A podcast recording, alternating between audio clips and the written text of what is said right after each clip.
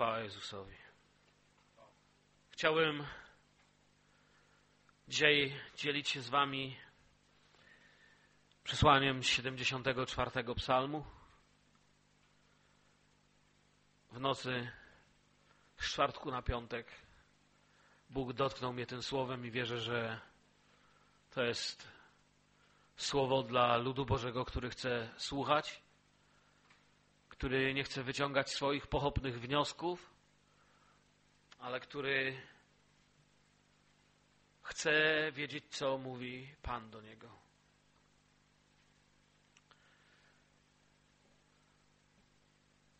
Nie wiem, czy byliście kiedyś, bracia, siostry, przyjaciele,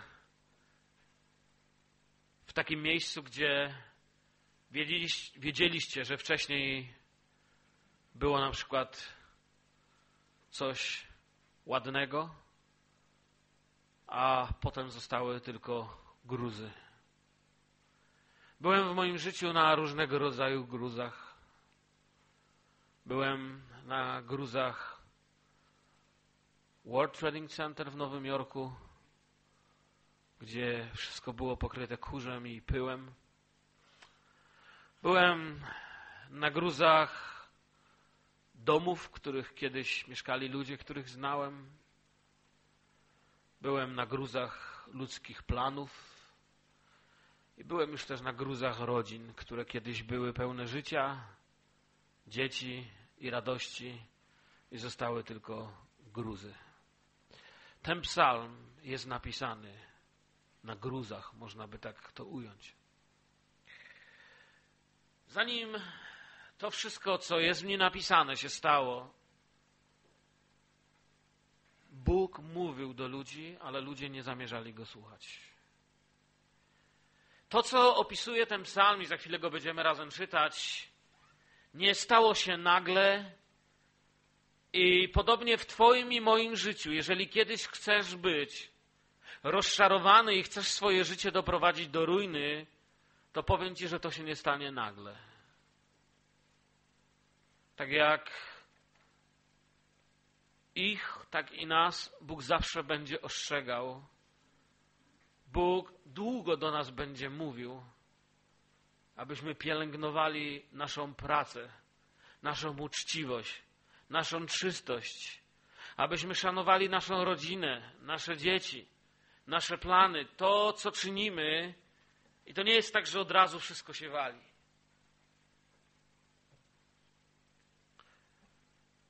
Zanim wszystko to, co opisuje Psalm 74, który wierzę, że przyjmiecie swoim sercem jako takie Boże światło, które pozwoli nam lepiej zobaczyć. Wiecie, Bóg nie jest Bogiem, który po prostu sobie bierze, krytykuje, czy coś dopuszcza, aby się złego stało, żeby sobie popatrzeć, co się stanie. Chcę, byście wiedzieli z całą stanowczością, że pomimo smutku, który jest w 74 psalmie, jeden z najsmutniejszych w Biblii, a jest ich kilka, abyście wiedzieli, że Bóg was miłuje. Bóg cię kocha nawet wtedy, kiedy płaczesz na gruzach. Bóg cię kocha nawet wtedy, kiedy ty jeszcze go nie kochasz. Bóg cię kocha nawet wtedy, kiedy nie widzisz, ale Bóg chce, byś przejrzał. Bóg chce, bym ja widział i wierzę, że to słowo nie zostawił niechcąco czy przypadkiem, bo nie ma czegoś takiego. Biblia nie jest księgą propagandy. Gdyby była księgą propagandy, to składałaby się z samych och, ach, jak dobrze. I czasami my byśmy tak woleli. Ale Bóg mówi, synu, córko, kocham cię.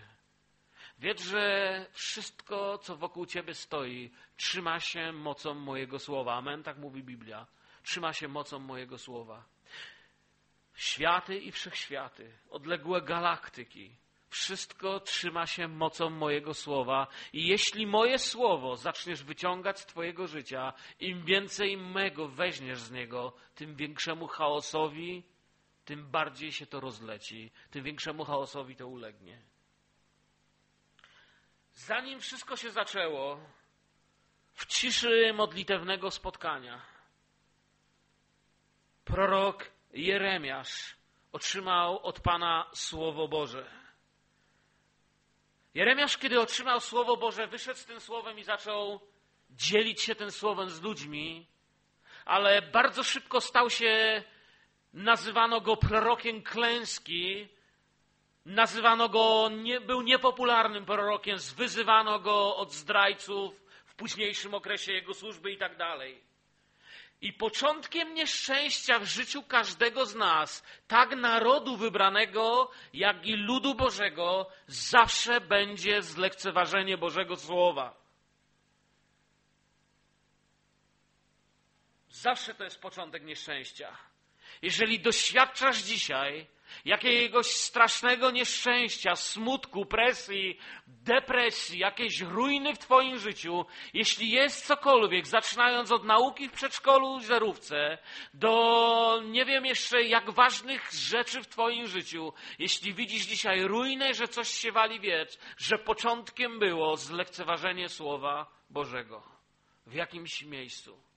Problem w tym, że nie zawsze da się wrócić i naprawić. Często, zwyczajnie nie da się wrócić i naprawić.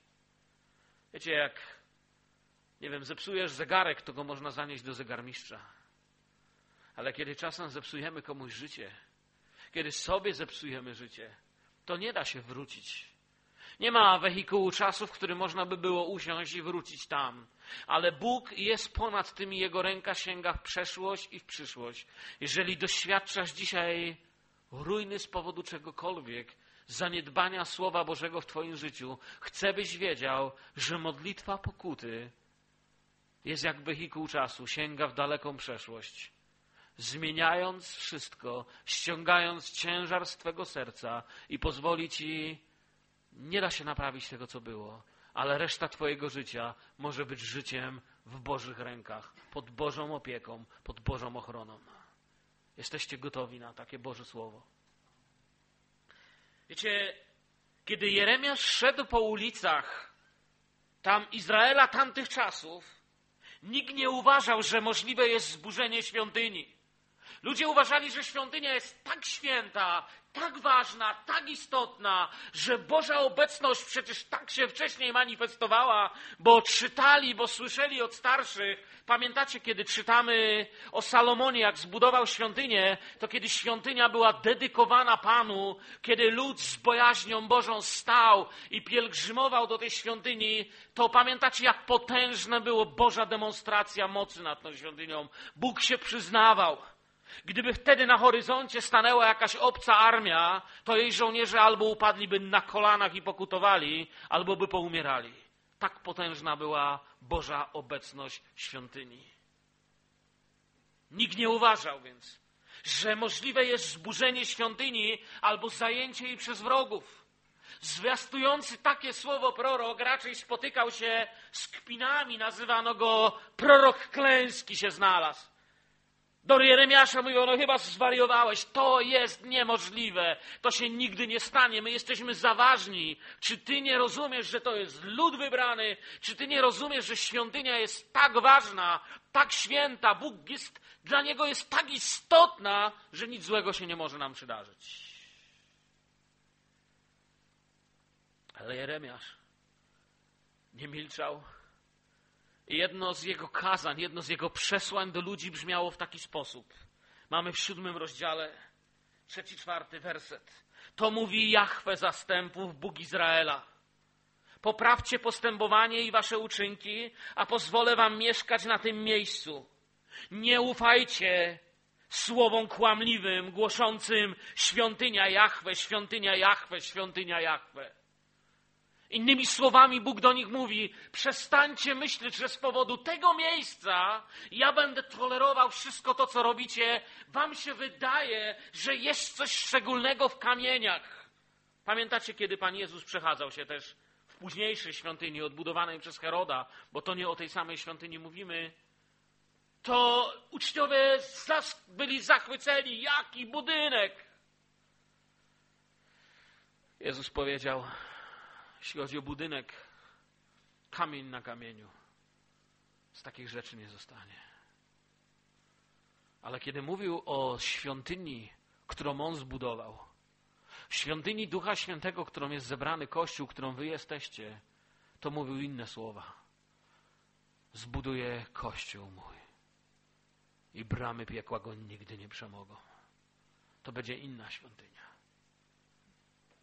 A więc innymi słowami, jeśli chcemy przebywać w Bożej obecności, mówi Jeremiasz, to pytanie brzmi nie, gdzie to będziemy robić, ale jacy będziemy stawać przed Bożym obliczem, aby doświadczać Bożego działania. Dzisiaj często ludzie mówią, że z kościoła poszły znaki, cuda, że nie dzieją się wielkie rzeczy, ale w tym samym czasie przychodzą na nabożeństwa niedzielne nieprzygotowani, z brudnym życiem, brudnym językiem, brudnymi myślami nieuczciwie się dorabiają, kłamią w żywe oczy państwo i swoich bliźnich, a potem przychodzą na nabożeństwa i mówią: Nic się w naszych czasach nie dzieje. A Jeremiasz mówi: Nie pokładajcie ufności w tych słowach. Świątynia Jachwę, świątynia Jachwę. Nie ma nic ważnego w budynkach. Wiecie, kiedy królestwo judzkie przemijało w tamtych czasach, to mistycy prawie magiczne znaczenie nadali słowom Psalmu 46. Uczynili z niego prawie magię, chociaż to jest tylko Słowo Boże. I tam była taka obietnica, ja ją tutaj wyciągnę wam z kontekstu, byście zobaczyli, jak ktoś chce, to niech cały przeczyta. Miasto Boże, święte mieszkanie Najwyższego. Bóg w jego wnętrzu, więc się nie zachwieje. I cytowali sobie te słowa. I mówili, nie ma takiej siły, żeby nas ktoś pokonał. I faktycznie w tamtym czasie, kiedy powstała świątynia, to widzicie to, ludzie pielgrzymowali z całej okolicy. Naród z bojaźnią odnosił się do Pana. Ludzie wiedzieli, że tam jest Boża obecność, że Bóg działa i że nie zachwieje się, że Jahwe będzie chronił swój naród, bo ten naród jest zgromadzony wokół Niego, kocha Go i żyje dla Niego. A potem zaniedbywali się coraz bardziej, a mistycy mruczeli i oszukiwali naród i mówili, to jest takie ważne miejsce. Chcę wam coś bardzo ważnego powiedzieć.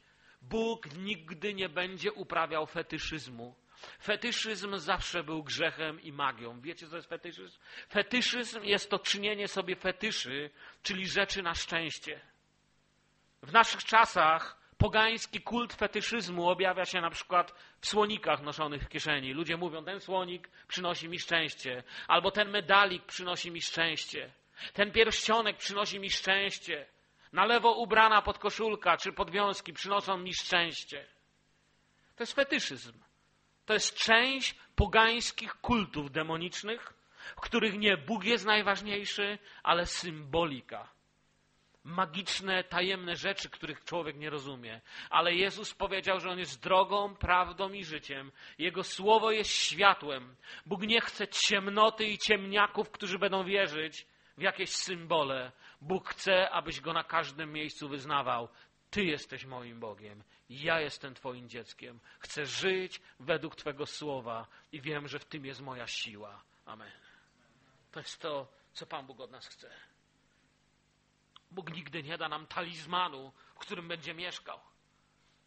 Jakiejś rzeczy, którą ograniczy się i pozwoli nam robić to, co chcemy, ponieważ ma coś bardzo świętego. Jedyne, co jest na tym świecie święte, święte, święte, to jest On sam i wszystko to, co On przyjmie i czyni świętym, to On jest naszym uświęceniem. Żadna rzecz, żadna rzeźba, żaden wisiorek, żaden krzyżyk nawet Bóg nie da nam talizmanu, bo Bóg jest duchem i chce, aby oddawać Mu cześć w duchu i w prawdzie. Jeżeli próbujesz oddawać cześć Bogu w jakichś symbolach, pudłach, świątyniach, jeśli ci się wydaje, że to miejsce, w którym tutaj dziś jesteśmy, to jest Kościół, to jesteś w wielkiej herezji, w wielkim błędzie. To miejsce to jest stary garaż wyremontowany, w którym spotkał się Kościół. To jest garaż, gdzie na ścianach jest gips, który Janusz z trudem tutaj nałożył. żeby ściany wyprostować? To jest miejsce, gdzie Rafał przykręcił lampy? To jest miejsce, gdzie ktoś położył płytki i ogrzewanie. I jak sobie stąd pójdziemy, to to jest wyremontowany, ładny garaż. Ale kiedy się tu zbieramy, kiedy dwóch lub trzech w imieniu Jezusa tu zasiada, wtedy to jest atmosfera świątyni, bo Jezus czyni atmosferę świątyni. Obecność Ducha Świętego czyni atmosferę świątyni, a nie symbolika. Nie to, że wiecie, ta kazalnica to jest dla mnie taka szczególna. Ja nie wiem, jakbyście mi ją zabrali, to chyba do zboru nie dojechał. To, co człowiek buduje, to dzięki Bogu, że to mamy. Tak naprawdę to, co jest szczególne, gdybyście mi zabrali świadomość, że Jezus mnie słyszy, to bym do zboru nie dojechał. Gdyby zabrać człowiekowi świadomość, że nie może już wyznać swoich grzechów, to by jutra nie dożył. Ale właśnie dlatego się tu spotykamy. Bóg chce działać w Twoim życiu i bo Boże ręce są otwarte dla Ciebie. I to On jest tu najważniejszy, a nie te rzeczy. Wiecie, kiedy budowałem mój dom, to się śmiałem do Janusza i chłopców jeszcze tam na Okrzowie, gdy się budowałem, że mówię, to jest niesamowite, kiedy patrzę na to, jak budujemy, budujemy na podpałkę. Normalnie tyle trzeba się namęczyć z tą podpałką, a to wszystko potem w ogniu przeminie. Ale tu nie budujesz na podpałkę, tu budujesz na chwałę Bożą. Może dzisiaj niektórzy z Was nie mają domu takiego, jakby chcieli. Nie tęskni. Nie płacz. Pan wie, że jest Ci trudno z mieszkaniem. Może nie masz takiej pracy, jakbyś chciał i słabo zarabiasz i jest Ci trudno. Może nie masz tak urządzonego domu, jakbyś chciał i przykro Ci, bo inni mają lepiej. Coś Ci powiem, nie martw się tym. Urządź swoje życie, swoje wnętrze, urządź świątynię, żeby była pełna Jezusa. A ja wiem, że Jezus ma dla Ciebie wszystko to, co jest najlepsze dla Ciebie. Czy słyszymy jeszcze w naszym sercu zwykłej, prostej Bożej miłości? Może idziesz do sklepu i musisz Twoim dzieciom kupować tańsze ubrania, a inni mogą lepsze. Może jeździsz samochodem i patrzysz, każdy ma lepsze, tylko z Twojego to aż żółto drdzy, jak jedziesz. Może masz rzeczy, inni mają lepsze. Coś ci powiem, nie martw się. Największym skarbem, jaki w życiu masz, jest Jezus. On jest Twoim skarbem. Jeśli w Bożych planach dla Ciebie jest błogosławieństwo, to chodź w Jezusie, na pewno Cię nie ominie. Jeśli w Bożych planach dla Twojego życia jest uzdrowienie, chodź w Chrystusie, na pewno Cię nie ominie. Jeśli w Bożych planach jest, abyś oglądał nawrócenie Twoich dzieci, przebywaj w Chrystusie, na pewno Cię nie ominie. Dzisiaj chcę przeczytać Wam psalm, psalm Asafa zwany. To jest zbiór dwunastu modlitw, jakie mamy w naszej Biblii. Czytamy dzisiaj jedną z nich. I wiecie, kiedy rozlega się ten głos, kiedy się rozlega wołanie tego psalmu, to tak, żebyście mieli tło, mamy rok 586 przed Chrystusem i do powoli dogasają ruiny świątyni Salomona. Wielki, wielki, wielki niegdyś naród i świątynia, w której kiedyś nikt nawet nie mógł ustać, bo chwała Boża była tak potężna, że ludzie runęli albo na kolana, albo na twarz i nie wiedzieli, co ze sobą zrobić. Wielki niegdyś naród znajduje się w kleszczach zła, a wszystko, co znali jako dobre, jest w kompletnym upadku. Nad dymami, nad klęską, nad zwalonym miastem, zwaloną świątynią słychać odgłosy biczów, gdy tłumy są gnane na targi niewolników, naród idzie do niewoli, całkowicie poniżony na kolanach. Może tak właśnie czasami czujemy też my w naszym życiu. Pamiętam wiele, wiele lat temu, jeszcze w moim zborze, kiedy się nawróciłem, nigdy nie zapomnę tych słów naszego pastora. Powiedział z kazalnicy takie słowa, które nieraz potem powtarzałem i stały mi się bardzo bliskie. Kiedy życie rzuci cię na kolanach, to najlepsza chwila, żeby zacząć wołać do Boga. Amen. Kiedy życie cię rzuci na kolana, to jest najlepsza chwila, dobra postawa, żeby zacząć wołać do Boga. I później, kiedy mijają lata i trochę ciut, ciut dojrzałem, ciut zmądrzałem, zrozumiałem, że czasem nasze kolana są tak twarde, że musi nas w końcu ktoś na te kolana rzucić. Bo gdyby nie to, to by się nigdy nie zgięły. Kiedyś jeden teolog powiedział takie słowa: Diabeł nie ma kolan, a niektórzy ludzie chcą go naśladować.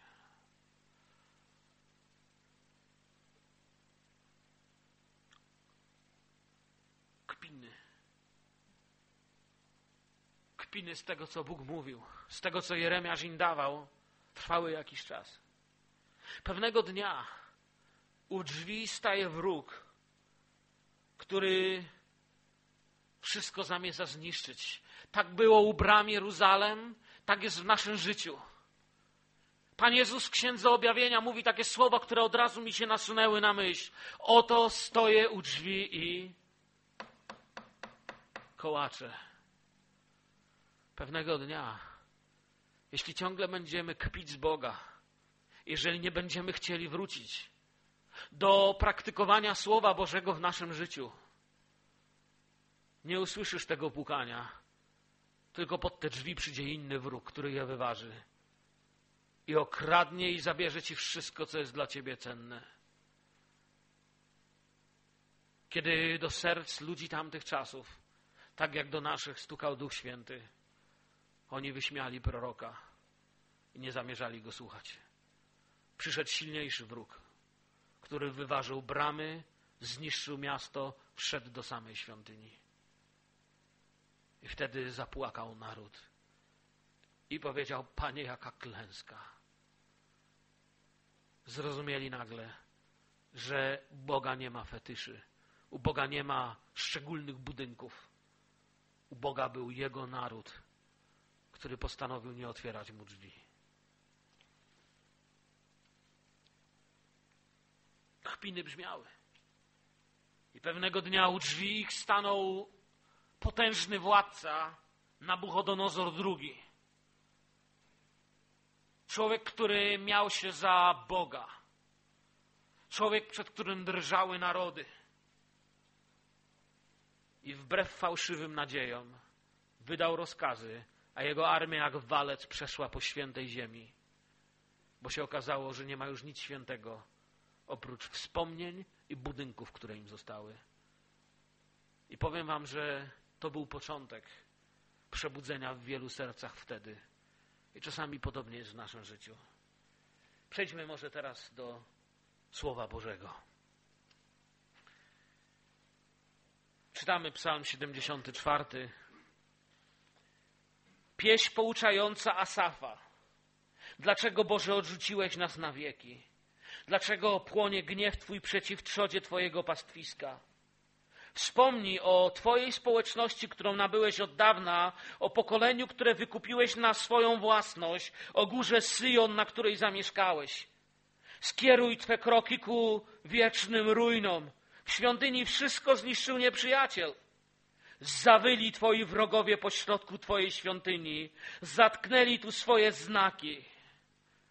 Czujecie to? Potraficie sobie to wyobrazić? Wiecie, jak to czytałem? to moje serce było wstrząśnięte. Wyobrażyłem sobie tych pogańskich rycerzy, jak wyli i kpili z ich Boga. Wyobrażyłem sobie całe piekło, jak wyje. Te demony, jak się śmiały. Widać, jak się podnoszą w górę topory, niby w gęstym lesie. A wtedy niszczą wspólnie jej rzeźby przy pomocy topora i młotów puścili z dymem Twoją świątynię, aż do ziemi zbezcześcili mieszkanie Twojego imienia. Mówili w sercu swoim, zniszczymy ją od razu. Spalili całą świątynię Boga na ziemi. Znaków naszych nie widzimy. Nie ma już proroka. Nie ma wśród nas nikogo, który wiedziałby, jak długo jeszcze. Jak długo będzie mógł szydzić wróg? Czy nieprzyjaciel żyć będzie imię Twoje na wieki? Dlaczego cofasz rękę Twoją, a prawicę Twoją trzymasz w zanadrzu? Ty, Boże, jesteś królem moim od wieków. Dokonujesz dzieł zbawczych pośrodku ziemi. Ty mocą Twoją rozdzieliłeś morze, zmiażdżyłeś głowy potworów nad wodami. Ty rozbiłeś łby lewiatana, dałeś go na pożarcie rekinom morskim. Tyś spowodował wytryśnięcie źródła i strumienia. Ty wysuszyłeś stale płynące rzeki. Twoim jest dzień i Twoją jest noc. Tyś ustanowił światło i słońce. Tyś określił wszystkie granice ziemi, lato i zimę stworzyłeś. Wspomnij na to. Jahwe, iż nieprzyjaciel urąga, a lud głupi lży Twoje imię. Nie wydawaj zwierzętom duszy Twojej gołębicy. O życiu Twoich uciśnionych nie zapominaj na zawsze. Spojrzy na Twoje przymierze, bo napełniły się kryjówki kraju, miejsca bezprawia. Niech nie wraca uciśniony jako zawstydzony. Niech biedny i potrzebujący uwielbia imię Twoje. Powstań, Boże, rozsądź Twoją sprawę. Wspomnij na Twoją hańbę, która Cię codziennie spotyka od głupca. Nie zapomnij wrzasku Twoich wrogów, krzyku powstających przeciw Tobie, który stale się wzmaga. 586 rok około przed narodzeniem się Zbawiciela w Betlejem. Naród pada na kolana w całkowitym poczuciu braku Bożej obecności. Nad ruinami miasta staje pogański władca, który cały dom Boży uprowadza do niewoli. Kiedy ucicha wojenny zgiełk, to nie wiadomo dla nich było, czy lepiej było być wśród tych, co zginęli, czy przeżyć. Czy po prostu nie lepiej było umrzeć, to chciałem powiedzieć. Tamtych nie ma, a ci, co zostali, nie wiedzą już sami, w co mają wierzyć. Wiecie, kiedy czasami w życiu człowieka wali się to, co dla niego ważne, to też nie wiemy, czy lepiej żyć, czy lepiej umrzeć. Kto trochę w życiu doświadczył, wie o jakich ja chwilach mówię. Człowiek może bez Boga dojść do takiego miejsca, że sam już nie wie, czy chce żyć. Tamtych nie ma, a ci, co zostali, nie wiedzą, w co wierzyć. Czy kiedy runie to, co jest dla nas ważne, to sami nie wiemy, co robić. Ja wiem, że można osądzać taką postawę, kiedy ktoś znajduje się w takim dole i w takiej rozpaczy. Łatwo się wtedy takiego człowieka osądza, łapie za słowa, poniewiera nim, bo on jest słaby. Ale kto przeżył, kto doświadczył, to już nie jest taki szybki w osądzaniu. Widzi wtedy, że czasami jesteśmy jedynymi, którzy mogą przyjść z dobrą nowiną, z Bożym Słowem, z pocieszeniem, z jakąś lampką małego światła chociaż do czyjegoś życia. Jakże często przychodzi taki dzień jak u nich, kiedy mówimy mieliśmy, ale nie docenialiśmy. Jakże często dopiero lata pokazują, że zmarnowaliśmy. Wiecie co? Ilu ja już słyszałem ludzi, którzy mówili znowu, żebym mógł mieć 20 lat, ale mieć ten rozum, co mam dziś. Sam tak mówiłem. Zgadza się? A czemu tak mówimy? Bo człowiek wtedy mówi, o, wtedy to nie wszystko zrobiłem tak jak trzeba. Zupełnie nie rozumiałem pewnych rzeczy. I oto psalm, który chciałem, żebyście dzisiaj zobaczyli. Psalm, który zawiera w sobie kilka niesamowitych doświadczeń, które być może były i w waszym życiu. Wiecie, można by go podzielić, że tam jest taka skarga narodu, skarga narodu na wroga, skarga narodu na Boga, że nie działa, ale też i jakieś uwielbianie, jakaś iskierka nadziei. Jest w nim hymn chwały i zupełna rozpacz. Wszystko w jednym psalmie. Kiedy człowiek dojdzie do takiego miejsca, ja myślę, że najlepszą modlitwą, jaką się może modlić, jest to, co od jakiegoś czasu tu powtarzam. To ta najkrótsza modlitwa, jaką się najłatwiej na pamięć nauczyć. Boże, zmiłuj się nade mną. Boże, Ty wiesz, co jest dla mnie najlepsze. Bo kiedy już nie ma nic do powiedzenia, to to jest dobre. Bo czasem Bogu wcale nie musimy wiele opowiadać. Nie musimy Mu tłumaczyć, co On widzi, a czego nie widzi. Nie musimy Mu tłumaczyć, co mieliśmy na myśli, Czasami wystarczy, że w ciszy przed Nim stajemy i mówimy: Panie, zmiłuj się nad moim życiem. Wierzę, że dzisiaj to słowo mówi Pan do tego zboru, ponieważ życie niektórych z Was doszło do tak jałowego miejsca, że pragniecie, żeby Bóg działał w Waszym życiu więcej. Wierzę, że jesteśmy kościołem, który żyje, a to, co żyje, pragnie wody, chleba, pragnie oddychać, pragnie żyć. Tylko trup już niczego nie chce. A na marginesie dodam, że też faktem jest, że i trupa Bóg może podnieść.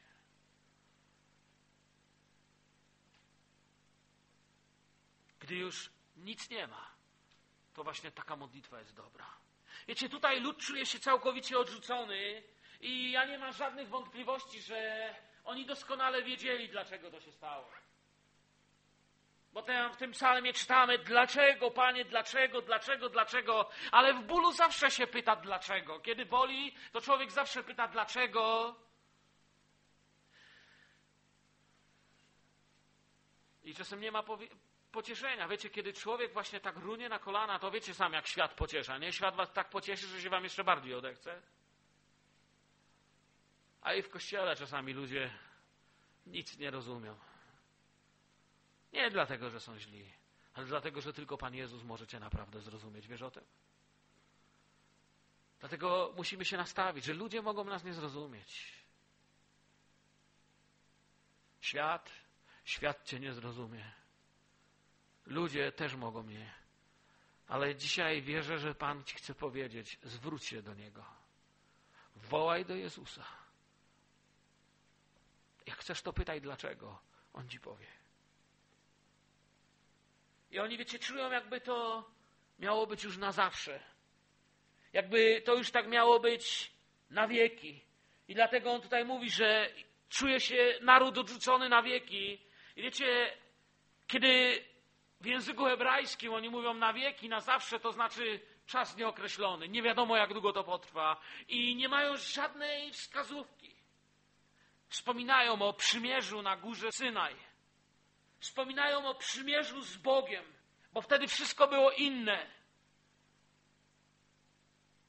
Mówią, że to było takie przymierze od dawna.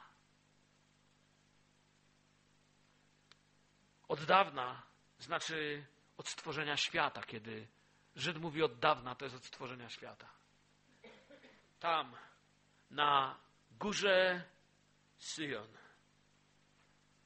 południowa część wschodniego wzgórza Jerozolimy, tam, gdzie stała świątynia.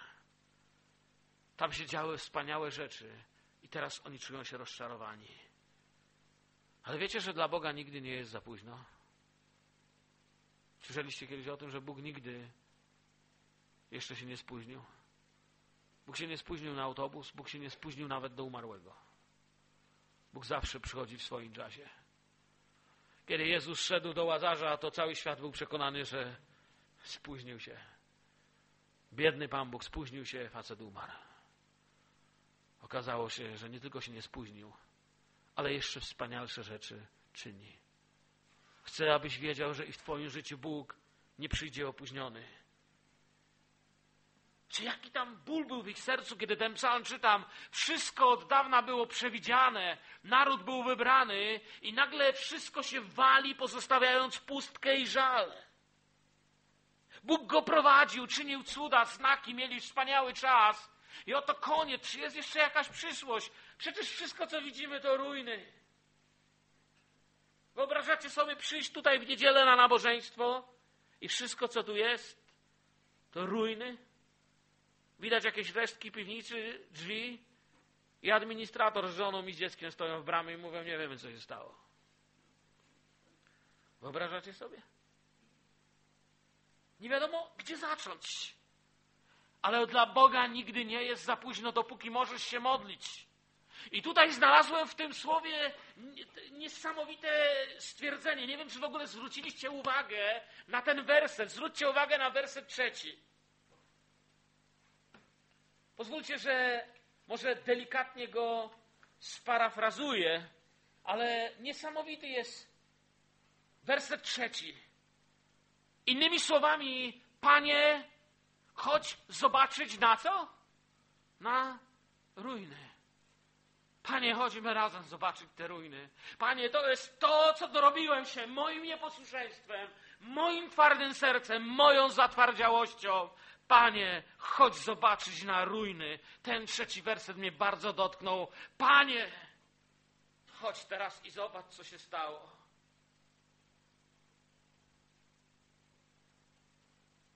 Kiedy dzieci wołają rodziców, żeby szli, żeby poszli zobaczyć, co się stało, to dlatego, że mają nadzieję, że rodzice coś, co zrobią, naprawią. Kiedy wzywamy do domu lekarza i mówimy, chodź, zobaczyć, co się stało, to mamy nadzieję, że lekarz nam pomoże. Naród na kolanach we łzach zaczyna się modlić do Boga. Chodź zobaczyć na nasze ruiny. Chodź zobaczyć, co nam się przydarzyło. Czy, czy to jest to, czy to nasza przygoda z Bogiem? I Bóg zacznie się im objawiać, zacznie do nich mówić. Wiemy to z reszty Słowa Bożego. I oni mówią czwarty werset. Panie, w tym miejscu rozległo się wycie wroga. Gdy padło miasto, kiedy znikała nadzieja, tutaj stali okrutni wojownicy i wyli z radości. Dawniej to my wydawaliśmy wojenny okrzyk. Dawniej to my byliśmy zwycięzcami. Dawniej to my zatykaliśmy sztandary na wzgórzach i świątyniach miast, które w ruiny się waliły i wszelkie, co zło przed nami uciekało, a teraz wrogowie zatknęli sztandary. Wiecie, dla Żydów, dla narodu Bożego zatknąć sztandar to było coś dużo więcej niż nam się wydaje. My mamy pewien tylko małe takie przedstawienie z historii. Wiemy, że na przykład jak czytamy o Monte Cassino, prawda, to wiemy, że tam zatknęli naszą flagę. Wiemy, że kiedy upadł Berlin w 1945 roku, to na bramie brandenburskiej zatknięto flagi. To jest jakiś symbol zwycięstwa. Ale tutaj jeszcze głębsze znaczenie to, to było, wiecie, zatknąć przy Bożym przybytku swój znak oznaczało lud zebrany w posłuszeństwie, dyscyplinę przed Panem. Czwarta księga Mojżeszowa, drugi rozdział, drugi werset pokazuje nam kawałek tej chwały. Synowie izraelscy będą stawać obozem, każdy przy swoim sztandarze, przy znakach swoich rogów, swoich rodów. Gdzie będą stawać? Stawać będą osobno wokoło namiotu zgromadzenia, czyli późniejszej świątyni, czyli miejsca przebywania Bożej obecności. Innymi słowami, naród będzie zbierał się wokół Pana z pełną chwałą. A oto sztandar wroga powiewa. Widzicie ten dramat tutaj. Dzisiaj miejsce zgromadzenia, mówi psalmista, jest świadkiem wrzasków i obelg gnających Boży naród do niewoli wrogów. Dawniej była chwała, jest strach i mrok. Już nie można ustawić się wokół namiotu spotkania. Wiecie czemu nie można? Bo kiedy ciągle można było, nikt nie słyszał Jeremiasza. Nikt nie słyszał, jak Pan mówił, jeśli się nawrócicie, to odnowię, to naprawię, to zgromadzę was, to posilę was. Nikt nie reagował. Każdy mówi tam taki Jeremiasz. Trochę wariat, wiecie.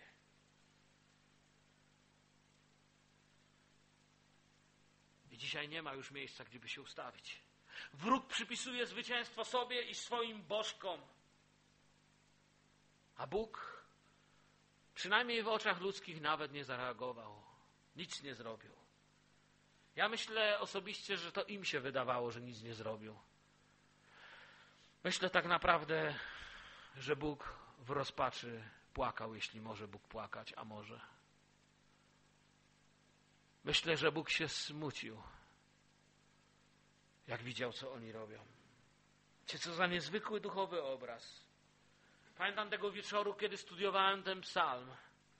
Pomodliłem się w nocy Pomyślałem, mój Boże, mój kochany Zbawicielu, który otaczasz moje dzieci, moją żonę, mój dom, wszystko to, co masz Twoją opieką. Nie daj mi nigdy tego doświadczyć, żebym klękał na kolana i idąc na spotkanie z Tobą, żebym słyszał diabelski wrzask zwycięstwa i widział, jak dzieci moje, dzieci Twojego przymierza idą do niewoli. Żebym zobaczył, jak skuci w kajdany są przez, z diabelskim śmiechem prowadzeni do niewoli. Jak mój dom stacza się w bezbożność, a ja nic nie mogę zrobić, a kiedy klękam, to słyszę tylko wrzask wroga w głowie. Słyszę tylko chaos tego świata i wątpliwości. Oni poszli dalej, kiedy już zniszczyli i straszliwie poniżyli to, co było wspomnieniem dobrych lat Bożej obecności. Piąty, szósty werset. Puścili z dymem święte miejsce, mówi nam Słowo Boże. Bracia, siostry, dwie ważne prawdy chcę wam teraz powiedzieć, korzystając z tego, że mam przywilej nauczać w tym zborze. Pierwsza prawda brzmi: Boży wróg, diabeł, nie zmienił się. Na marginesie dodam, a jeśli się zmienił, to na gorsze. Nie zmienił się. Druga prawda.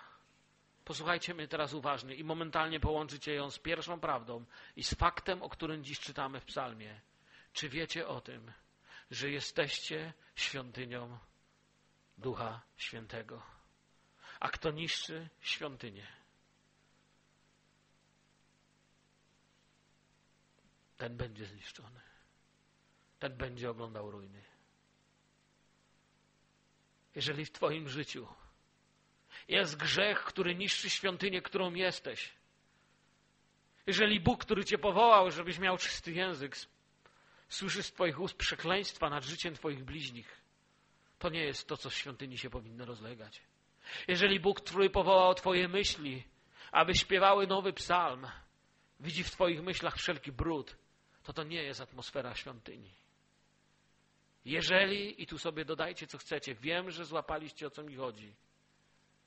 Jesteście świątynią, a wróg się nie zmienił. Wróg chce, żebyście byli słabą świątynią, otoczoną świątynią, świątynią, która nie może się bronić, świątynią, którą można łatwo zniszczyć, uderzyć, sponiewierać. I zobaczcie, co się tutaj dalej dzieje. Oni nie tylko uderzyli w miasto, zniszczyli świątynię, ale wystawili przed całym światem na hańbę, że aż psalmista krzyczy, na całym świecie Boża świątynia jest zniszczona. Gdy dopuścimy grzech i zaniedbanie, wróg nadciągnie. I nie pomogą nam tradycje, święte symbole i wspomnienia. Dzisiaj mamy taki dzień, kiedy wielu Polaków idzie na groby Wielu z powodu całkowitego braku poznania fundamentów Słowa Bożego nad grobami zamiast wspominać, będą uprawiać okultyzm. Będą się modlić do umarłych. Będą się modlić o umarłych. Będą się brudzić okultyzmem.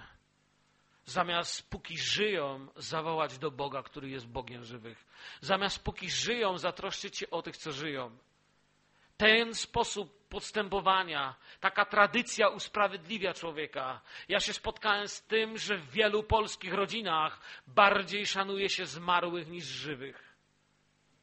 Nie mówi się źle o umarłych, ale najsmutniejsze i podłe rzeczy mówi się w oczy żywych. Łatwiej jest dbać o umarłych i przynieść im świeczkę, niż ukochać i przebaczyć tym, którzy żyją i wnieść w ich nadzieję, światło nadziei w ich życie.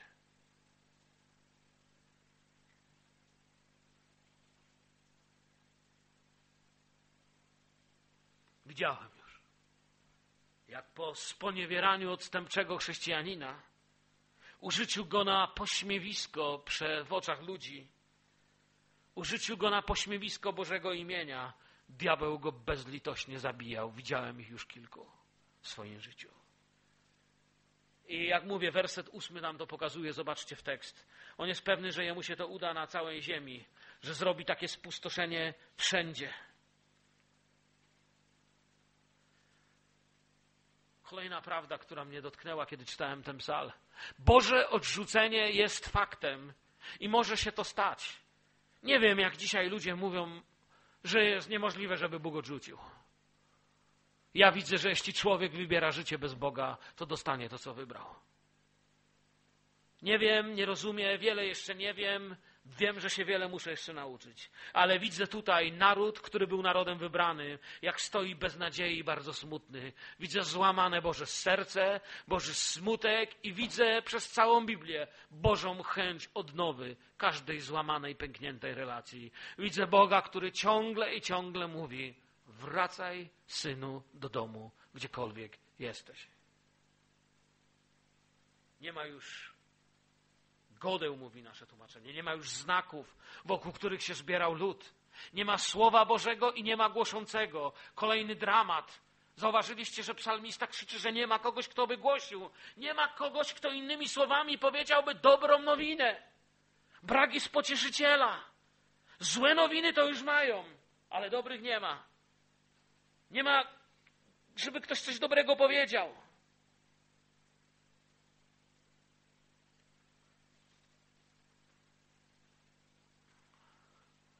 Mamy dziś przywilej.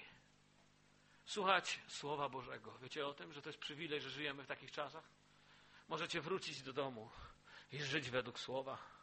Możecie kłaść się do łóżka i ja, to jest dla mnie mój ulubiony moment, kiedy sobie włączam moją Biblię na telefonie albo biorę księgę i otwieram i mogę sobie poczytać parę wersetów. Kiedy rano mogę zacząć od tego dzień. Parę wersetów. Mam po prostu dostęp do Słowa Bożego. Mam przywilej słuchać Słowa Bożego, mam przywilej stać wokół Bożych sztandarów zwycięstwa. Bóg daje mi zwycięstwo. Ogłaszam zwycięstwo Pana Jezusa Chrystusa nad naszymi rodzinami, dziećmi, życiem i zdrowiem. Mogę ogłaszać nową nadzieję dla naszego życia. Nie muszę rozpaczać, mam tę Bożą łaskę. Bo żali beznadzieja, jaka przychodzi, gdy tego braknie, jest bolesna. Wiecie, niesamowicie jest w tym psalmie jeszcze jedno, kiedy się go czyta. Jak go będziecie z, rozpędu, z rozpędu czytać, to czytamy skarga, źle, źle, źle. I nagle ucicha skarga, nagle jest ucięta. Jak gdyby nagle ktoś, wiecie, mam takie wrażenie, że psalmista płacze, rozpacza, krzyczy i nagle ktoś zatkał go. Pozwolił mu przez chwilę nabrać potem oddech, spojrzeć i nagle zaczyna zupełnie inaczej. Jakby zupełnie zmienia temat od 12 wersetu, zobaczcie. Do 11 wersetu rozpacza. A 12 werset nagle ty, ty Boże, jesteś królem. Jak odkrycie robi. I zwróć uwagę, że od, zwróćcie uwagę od 12 do 17 wersetu, przynajmniej w oryginale, wszystkie Wersety zaczynają się od słowa ty, ty, ty. Z hebrajski atak, ty. Nagle ktoś odkrywa, nie ja, nie my, nie symbole, nie świątynie, nie tradycje, nie dni ważne, nieważne. Ty, święty Boże, Ty jesteś, Ty, Ty, Ty, aż do 17 wersetu. Bo czy powodem upadku nie było to, że oni zapomnieli, że to On jest Bogiem. Psalmista opisuje, zobaczcie, Bożą wielkość, stworzenie świata, lądy, morza, dzień, noc, lato, zimę, w Jego dłoni wszystko i nagle do Niego dochodzi w Jego dłoni mój los. I każdy werset zaczyna się na Ty. Chcę dziś namówić. Chcę, aby dzisiaj ogień Ducha Świętego tak wam rozpalił serce, że dzisiaj wieczorem, kiedy będziecie się modlić albo po tym nabożeństwie, żebyście zaczynali swoją modlitwę. Ty, Panie, jesteś moja nadzieja, moja siła, moja odnowa. Nie pastor, nie kościół tutaj zgromadzający się, nie dni, ale Ty, bo bez Ciebie to wszystko jest niczym. Ty jesteś mój ratunek, mój lekarz i moje odnowienie. Czy macie to w swoim sercu? Amen? Ty, Panie. Ty. I w osiemnastym wersecie znowu chwały ucicha. Ja czasem mam wrażenie, jakby psalmista poszedł sobie do domu, wyjrzał przez okno i znowu zobaczył to samo i zapomniał. Ale to taka moja interpretacja, wybaczcie. Ale mam takie wrażenie, że my też czasami uwielbiamy. W niedzielę jesteśmy gotowi kija wziąć i lać diabła, ile wlezie. W poniedziałek, panie, a ty w ogóle istniejesz? A może nie ma ciebie? Zapominamy nagle. Chył chwały ucicha w osiemnastym wersecie. Czy nie jest tak z nami, że czasem w niedzielę jesteśmy gotowi do zmiany z Bogiem, a w poniedziałek wracamy na pole klęski, zbierać trupy i z powrotem przyglądać się klęsce i pytać dlaczego? Jakiś czas temu jeden człowiek przyjechał do mnie i wyznał mi grzech. Ja wziąłem i pomodliłem się o niego. Mówię, bracie kochany, odpuszczam Tobie ten grzech w imieniu Jezusa, skoro potrzebujesz to usłyszeć. Ale ponad wszystko wiem, że Ci go Bóg odpuszcza, ponieważ go wyznajesz. Słuchajcie, on trzy dni później znowu dzwoni, że znowu ma doła. No bo czuje się oskarżony. Ja mówię, Ty nie wierzysz Bogu. I z powrotem, i dopiero wiecie, Słowo Boże stało się moim orężem. Mówię, jeśli kto zgrzeszy, to co ma zrobić? Powiesić się? Żyły sobie podciąć, pod pociąg się rzucić? Nie. Przyjdź do Boga, mu mówię. Wyznaj grzech. Czy Bóg mówi, że ci odpuści? No mówi. No to wierzysz, czy nie wierzysz? No nie denerwuj się, Mirek. Ja się nie denerwuję. Kocham przyjaciół moich. A mówię, człowieku, odpuszczone w imieniu Jezusa. Bóg odrzucił jak wschód od zachodu. Stoisz przed Bożym tronem, mówisz o tym Panie, a Bóg mówi, o co chodzi? Dajcie mi tam kartoteki, teczkę na niego, bo już zapomniałem, o co chodziło. Wyciągają teczkę, biorą teczkę jego do ręki, a, a kartka taka. I jest napisane, Kolosan 2,14. Wziął obciążający nas list dłużny i wymazał go, przybiwszy go do czego? do krzyża. On się zastanawia. Czyste. Nie ma UB w niebie i nie ma teczek. Wymazał obciążający cię list dłużny. Nie bój się przyjść. Jak masz problem sam na sam z Bogiem, Bóg dał nam siebie. Jeżeli przyjdziesz do mnie czy do któregoś z braci, możesz przyjść i wyznać grzech.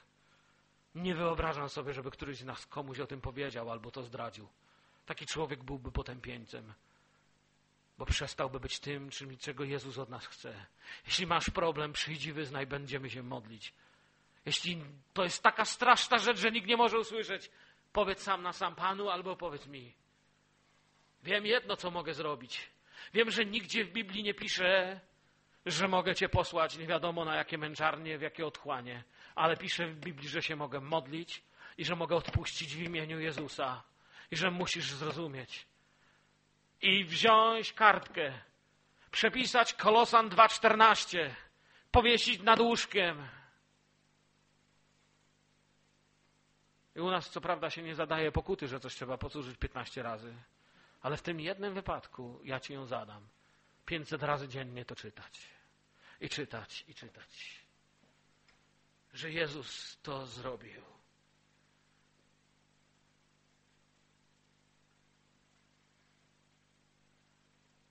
Tak jest z nami. Wstrząsający werset tam jest, który pokazuje, że ten człowiek, psalmista, tak jak my, jest świadomy tego, że jest dzieckiem Bożym, ale drży i ciągle boi się zła, które się nagromadziło w jego życiu. Czy to z jego winy, z cudzej winy, nieważne. Bóg jest większy, ale on płacze i mówi do Boga: Nie wydawaj zwierzętom duszy twojej gołębicy. Nie jest niesamowity werset? Słuchajcie, nie wydawaj zwierzętom duszy twojej gołębicy. Gołębica to jest coś niewinnego, czystego. Jest tu ciekawy werset, od razu mi się nasuwa. Wiecie werset skąd? Z pieśni nad pieśniami. Gołąbko ma ukryta w zagłębieniach skały, w szczelinach przepaści. Ukaż mi swą twarz, daj mi usłyszeć swój głos, bo słodki jest głos Twój i twarz pełna wdzięku. Słyszałem kiedyś komentarz jednego rabina do tego wersetu i byłem tym bardzo poruszony. Ten rabin powiedział tak: Gołąbka Boża, lud Boży czasem znajduje się w zagłębieniach skały. Z jednej strony w głębi tego ciemnego zagłębienia czyha wąż polujący w ciemności. Z drugiej strony czyha sokół polujący na gołębia. Ale wszechmogący woła do swojego gołębia: Pokaż mi swą twarz. I od razu wiecie, co mi się skojarzyło? Tak sobie dodałem do tego, co ten rabin mówi, i tak dotknęło mojego serca. Wiecie, co wszechmocny woła? Staw się na modlitwie, gołąbko ukryta w zagłębieniu skały. Staw się przed moim obliczem. Staw się przede mną i zacznij do mnie wołać, bo ja tęsknię za Tobą, czekam na Ciebie. Kiedy ostatnio słyszałeś głos Ducha Świętego w swoim życiu? Kiedy ostatnio słyszałeś, jak Jezus do Ciebie coś powiedział? Kiedy pozwoliłeś, aby Bóg dodał Ci komfortu? Czy naprawdę wszystko, na co nas stać, to jest marudzenie, że dzisiaj to nie ma? Kiedy pozwoliłeś, aby Pan dał taki, jak mówię, komfort Twojej duszy do odpoczynku? Komfort duchowy, kiedy czujesz, że jesteś w Bożych rękach.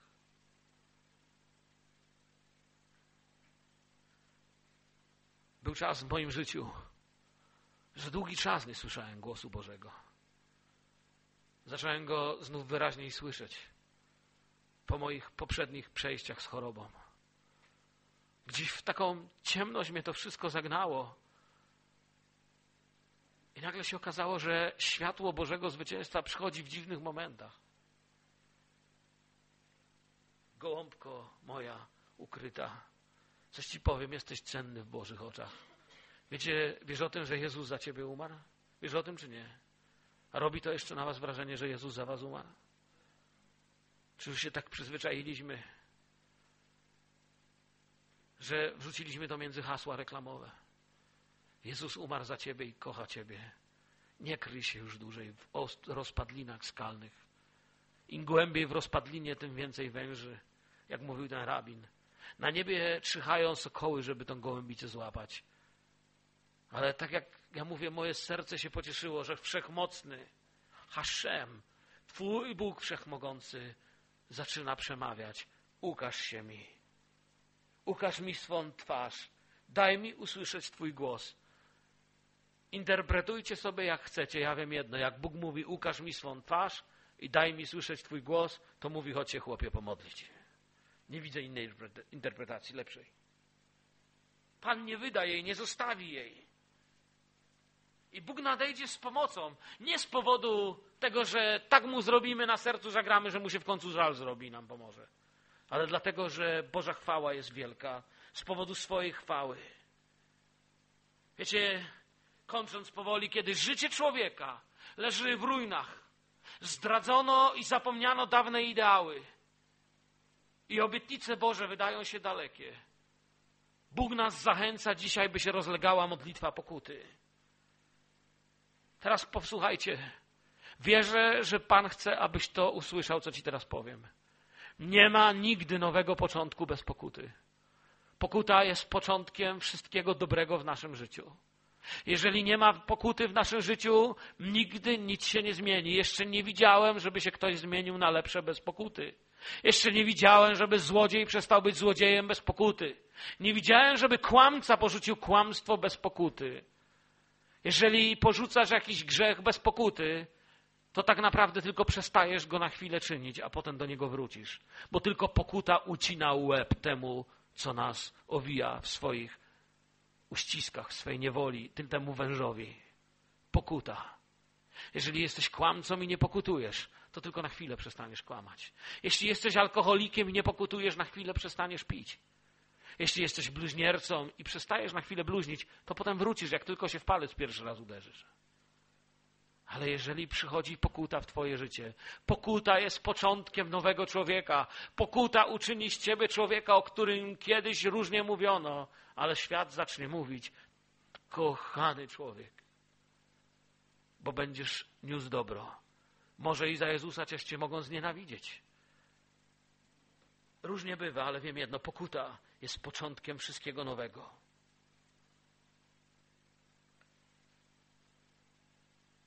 Bez pokuty, przyjacielu, nie zaczniesz nic. Jeżeli z kimś się kłócisz, kłamiesz, oszukujesz, czy cokolwiek innego, jeśli tylko powiesz, no to nie będę tego więcej robił, to to się nie nazywa pokuta. To się nazywa parę dni bez tego. Pokuta powoduje, że stare ja idzie na krzyż. Pokuta powoduje, że stare ja idzie umierać na zawsze. A my możemy śmiało Bogu powiedzieć: Panie, tego już w moim życiu nie zobaczysz.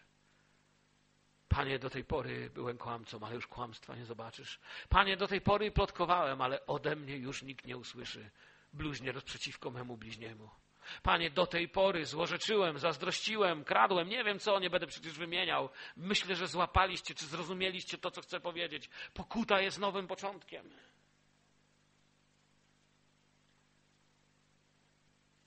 Wierzę, że ten psalm może być dzisiaj naszą modlitwą, chociaż się wydaje taki dramatyczny. Powiem Wam jeszcze coś ciekawostkę. Miałem tego nie mówić, ale Wam powiem. Czy wiecie, co zmieniła niewola babilońska? To, że naród poszedł w niewolę do Babilonu, że zwalono świątynię. Jaka była największa zmiana, jaką to przyniosło? Ja sobie długo z tego sprawy nie zdawałem. Dopiero studiując ten psalm to zrozumiałem.